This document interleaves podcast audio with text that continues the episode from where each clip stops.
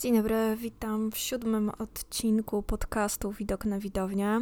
Dzisiaj chciałabym się zastanowić, czy podzielić się z Wami takimi przemyśleniami po w sumie e, już prawie trzech tygodniach od ostatniego odcinka, gdzie te różne predykcje były na świeżo i jakby też e, na świeżo pewne emocje buzowały i, i różne myśli się pojawiały.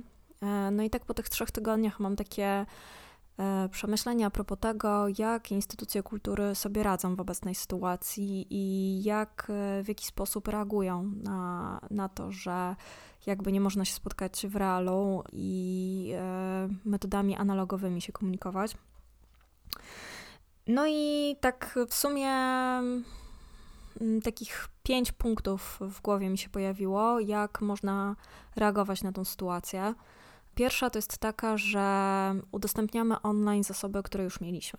Czyli mieliśmy jakieś opracowane materiały, e, coś, nagranie jakiejś dyskusji, nagranie spektaklu, materiały do warsztatów, które mieliśmy przygotowane i które udostępniamy w zasobie otwartym. Dużo osób, z którymi rozmawiałam, mówiło mi, że mm, mają bardzo, że sporo mają takich zbiorów nieopracowanych i właśnie to jest ten moment, kiedy można to, co się nagrywało, robiło zdjęcia, że można to opracować e, i udostępnić, więc to jest dobry moment, e, żeby wykorzystać to, co już się ma. I rzeczywiście, no tutaj ci, co robili, filmowali, dokumentowali, e, czy tworzyli takie zasoby, mm, czy digitalizowali, no bo tutaj też muzea, jeśli chodzi o udostępnianie prac, czy zbiorów kolekcji online. Oczywiście wszystko zgodnie z prawami autorskimi to no, trochę mają w tym momencie łatwiej, jeśli chodzi o ten content, ten, ten zasób, który mogą udostępnić, to o czym mogą pisać, to co mogą jakby wprawiać na nowo w życie. I no, trzeba to mieć, żeby móc tym działać, tak? I tutaj taki najlepszy przykład, który już wszyscy znają i wszyscy jest na ustach całej Polski i to jest Kutnowski Dom Kultury, który no, zrobił, po pierwsze, chyba najszybciej zareagował na daną sytuację i udostępnił spektakl dla dzieci e, Pchła Szachrajka. Ten spektakl obejrzało 12 tysięcy osób, a ich e, fanpage na Facebooku zyskał 60% nowych fanów z tego co wiem, to nawet 80%, bo rozmawiałam e, z Robertem z Kutnowskiego Domu Kultury o ich przykładzie, case'ie i tym, jak to wyglądało. Mam nadzieję, że wkrótce więcej opowiem. Ale tak, bardzo szybko zareagowali i udostępnili zasoby. To też robią teatry, spektakle online, które mają, które udostępniają. To właśnie teraz widać, że bardzo mocno e, się dzieje, tak?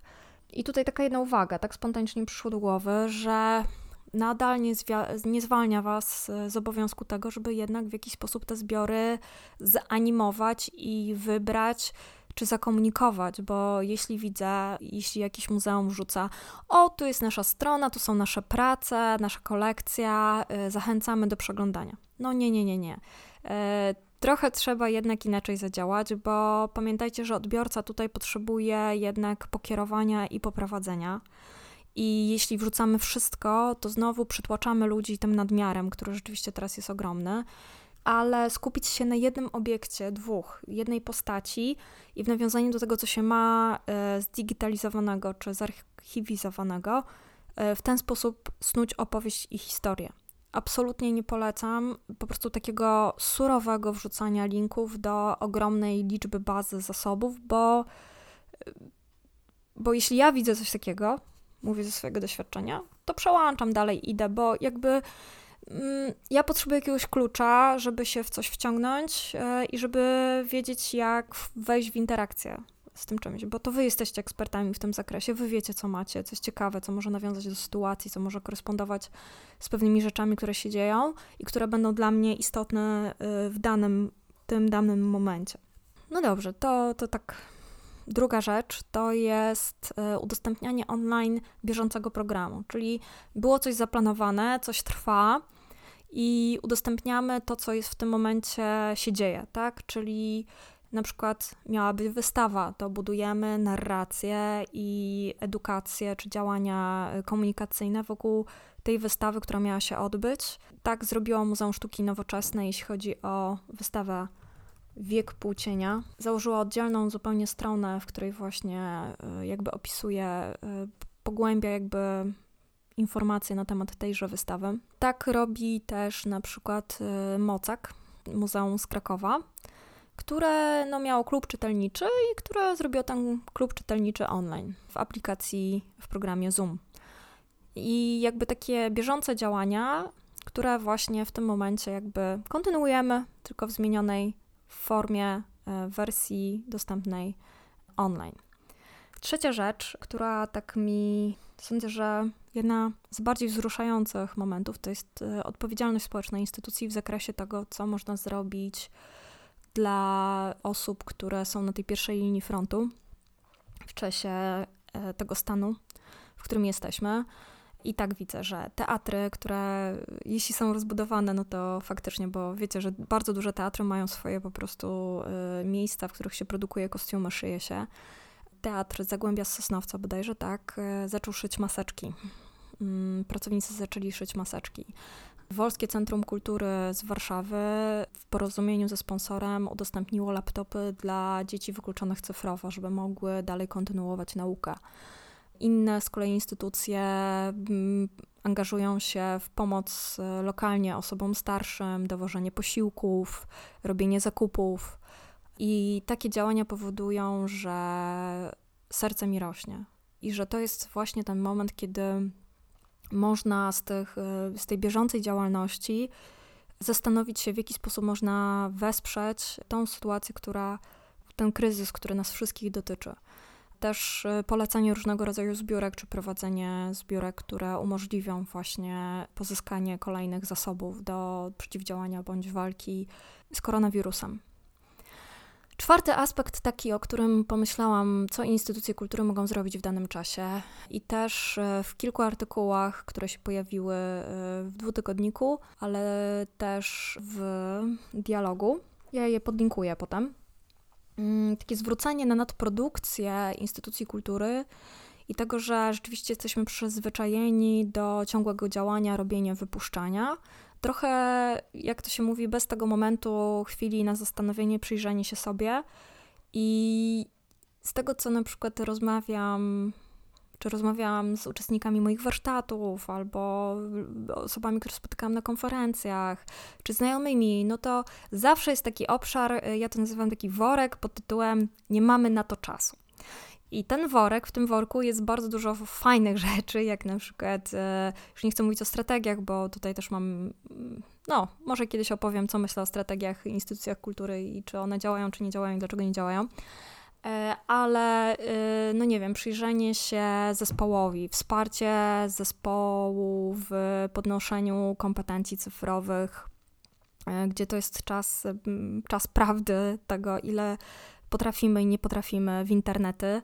No właśnie, i na przykład przyjrzenie się misji, wizji, przyjrzenie się stronie, czy ona jest czytelna, czy jest dostępna, czy materiały tam zawarte są w przystępny sposób zaprezentowane, czy zdjęcia, które mamy, na przykład wizerunkowe, można było je obrobić, fajnie udostępnić, czy, czy można by było trochę popracować nad Facebookiem i na tym, jak on wygląda, jakby mógł wyglądać.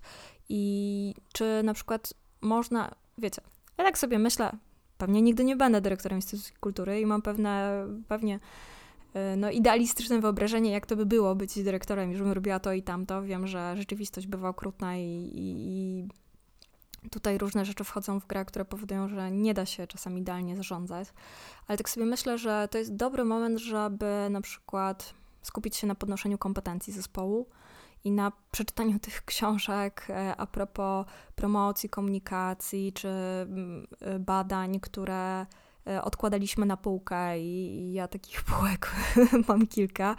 I na przykład podzielenie się w zespole, tak, że jedna osoba referuje ala takie seminarium, jakąś publikację dla całego zespołu i jakby rozmawiamy o tym, jakie, co realnie możemy u siebie zastosować. No to też Was do tego zachęcam, żeby jednak w tym momencie nie poprzestawać dalej robić spotkania zespołów a jeśli nie robiliśmy, to zrobić, zacząć robić, bo wydaje mi się, że to jest taki moment, kiedy zespół jednak potrzebuje tego lidera, tego wsparcia i tej komunikacji i też e, e, wymiany burzy myśli, a największym zasobem jest nasz zespół, tak jak mówiłam zawsze. Więc warto by teraz było rzeczywiście może y, wzmocnić te różne metody, które powodują jakby lepsze zarządzanie. No i tutaj jeszcze w tym punkcie takim, że pracujemy, zwalniamy, trochę robimy z tym, co, co mamy, co możemy udoskonalić, co możemy trochę posprzątać, ulepszyć, to sądzę, że bardzo tutaj dużym obszarem ważnym byłoby udostępnianie instytucji dla osób z niepełnosprawnościami, na które, z tego co wiem, na to działanie zazwyczaj przede wszystkim nie ma czasu i pieniędzy, ale takie działania jak e, wykonanie audiodeskrypcji wybranych prac, e, czy opisanie instytucji i tego, w jakim zakresie ona jest dostępna, wyznaczenie osoby, która jest tym oficerem dostępności i zrobienie zakładki na stronie, opisanie strony, na ile ona sama w sobie jest czytelna. Poza tym wykonanie y, audiodeskrypcji prac, na przykład z kolekcji, e, czy nawet audiodeskrypcji budynku i jego historii i tego, jak on wygląda, co się gdzie znajduje, e, może być także fantastycznym i ciekawym materiałem dla osób, które, które są sprawne, tak?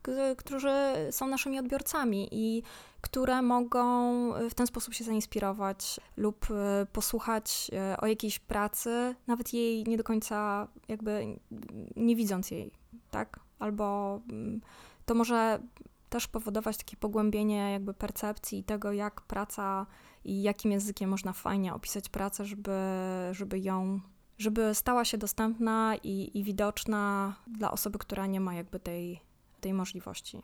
I na to jest teraz super czas, ponieważ e, wszystkie instytucje finansowane z pieniędzy publicznych e, podlegają pod ustawę z dnia 4 kwietnia 2019 roku o dostępności cyfrowej stron internetowych i aplikacji mobilnych podmiotów publicznych. Ja też podlinkuję tą e, ustawę tam jest takie założenie, że powinna być deklaracja dostępności stron internetowych i aplikacji, właśnie także instytucji kultury. I obowiązuje to, jakby aktualizacja tego do kolejnego roku, do 30, 31 marca. Więc to jest ten moment już przekroczonego jakby terminu, gdzie powinniśmy się nad tym pochylić i przyjrzeć, czy nasza strona jest dostępna, E, w jaki sposób możemy ją e, jakby sprawić, żeby była bardziej dostępna, wprowadzić kontrast, powiększenie liter i inne rzeczy, które jakby w tym dokumencie są wymienione. E, ja go podlinkuję, żebyście sobie przejrzeli, ale pięknie można to właśnie połączyć także z innymi działaniami, które naszą instytucję kultury udostępnią osobom z niepełnosprawnością. Piątym aspektem takim, którym dzisiaj przyszedł mi do głowy, co instytucje kultury robią w tym momencie, no to też jest taka sytuacja, że nie robią nic. Że przyczekują, że e, nie mają zasobów, sprzętu, chęci, potrzeby, żeby w tym momencie cokolwiek działać online. I w pewnych aspektach wydaje mi się, że to też jest ok, żeby skupić się może na tym właśnie, żeby odpocząć lub się zastanowić, e, co w przyszłości, tak? nieco co bieżąco i w tej gorączce. Na razie zastanawiam, na ile to w jakiś sposób nie będziemy z tego rozliczeni, mm, jeśli nic, nic tutaj nie zrobimy. No to taki jakby, no musiałam ten punkt poruszyć, chociaż mm, no, może być kontrowersyjny i wiadomo, że nikomu tu nie chcę zarzucić, że nic nie robi, ale też jakby jestem w stanie zrozumieć, że czasami ten odpoczynek tutaj, czy takie zatrzymanie może być e, też potrzebne ale są jak we wszystkim plusy i minusy. A i jeszcze jeden punkt, szósty punkt. Y, teraz dopiero mi się to jakby przypomniało, ale oczywiście od początku o tym myślałam, gdzieś mi to umknęło w tej punktacji. To tworzenie mm, działania, tworzenie projektów, y, wystaw, prac czy programu w oparciu o aktualne wydarzenia, czyli w korespondencji do tego, co się w tym momencie dzieje. I takie dwa przykłady, znowu Muzeum Sztuki e, Nowoczesnej fantastycznie działają, więc tutaj duża pochwała w ich stronę i, i przykład do naśladowania. E, stworzyło wystawę, to jest Widok z okna, stwórzmy wspólnie archiwum kwarantanny. I tutaj odbiorcy są zachęcani do tego, żeby dzielić się z tym, co widzą za oknem, no bo jednak ten okno tutaj jest na świat, no właśnie po zaostrzeniu przepisów, jedynym naszym jakimś takim kontaktem z zewnętrzem.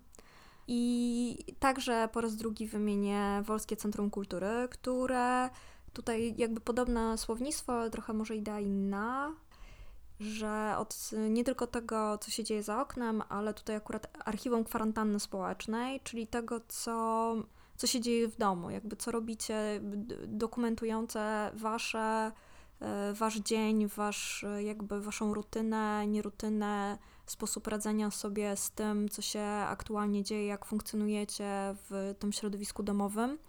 Więc jest to szósty punkt także dość istotny z tej perspektywy, że dla mnie instytucje kultury mocno, jeśli chodzi o misyjne działanie, powinny być kluczem, wsparciem do zrozumienia i oswojenia się czy poczucia wsparcia w sytuacji aktualnej, tego co się współcześnie aktualnie dzieje.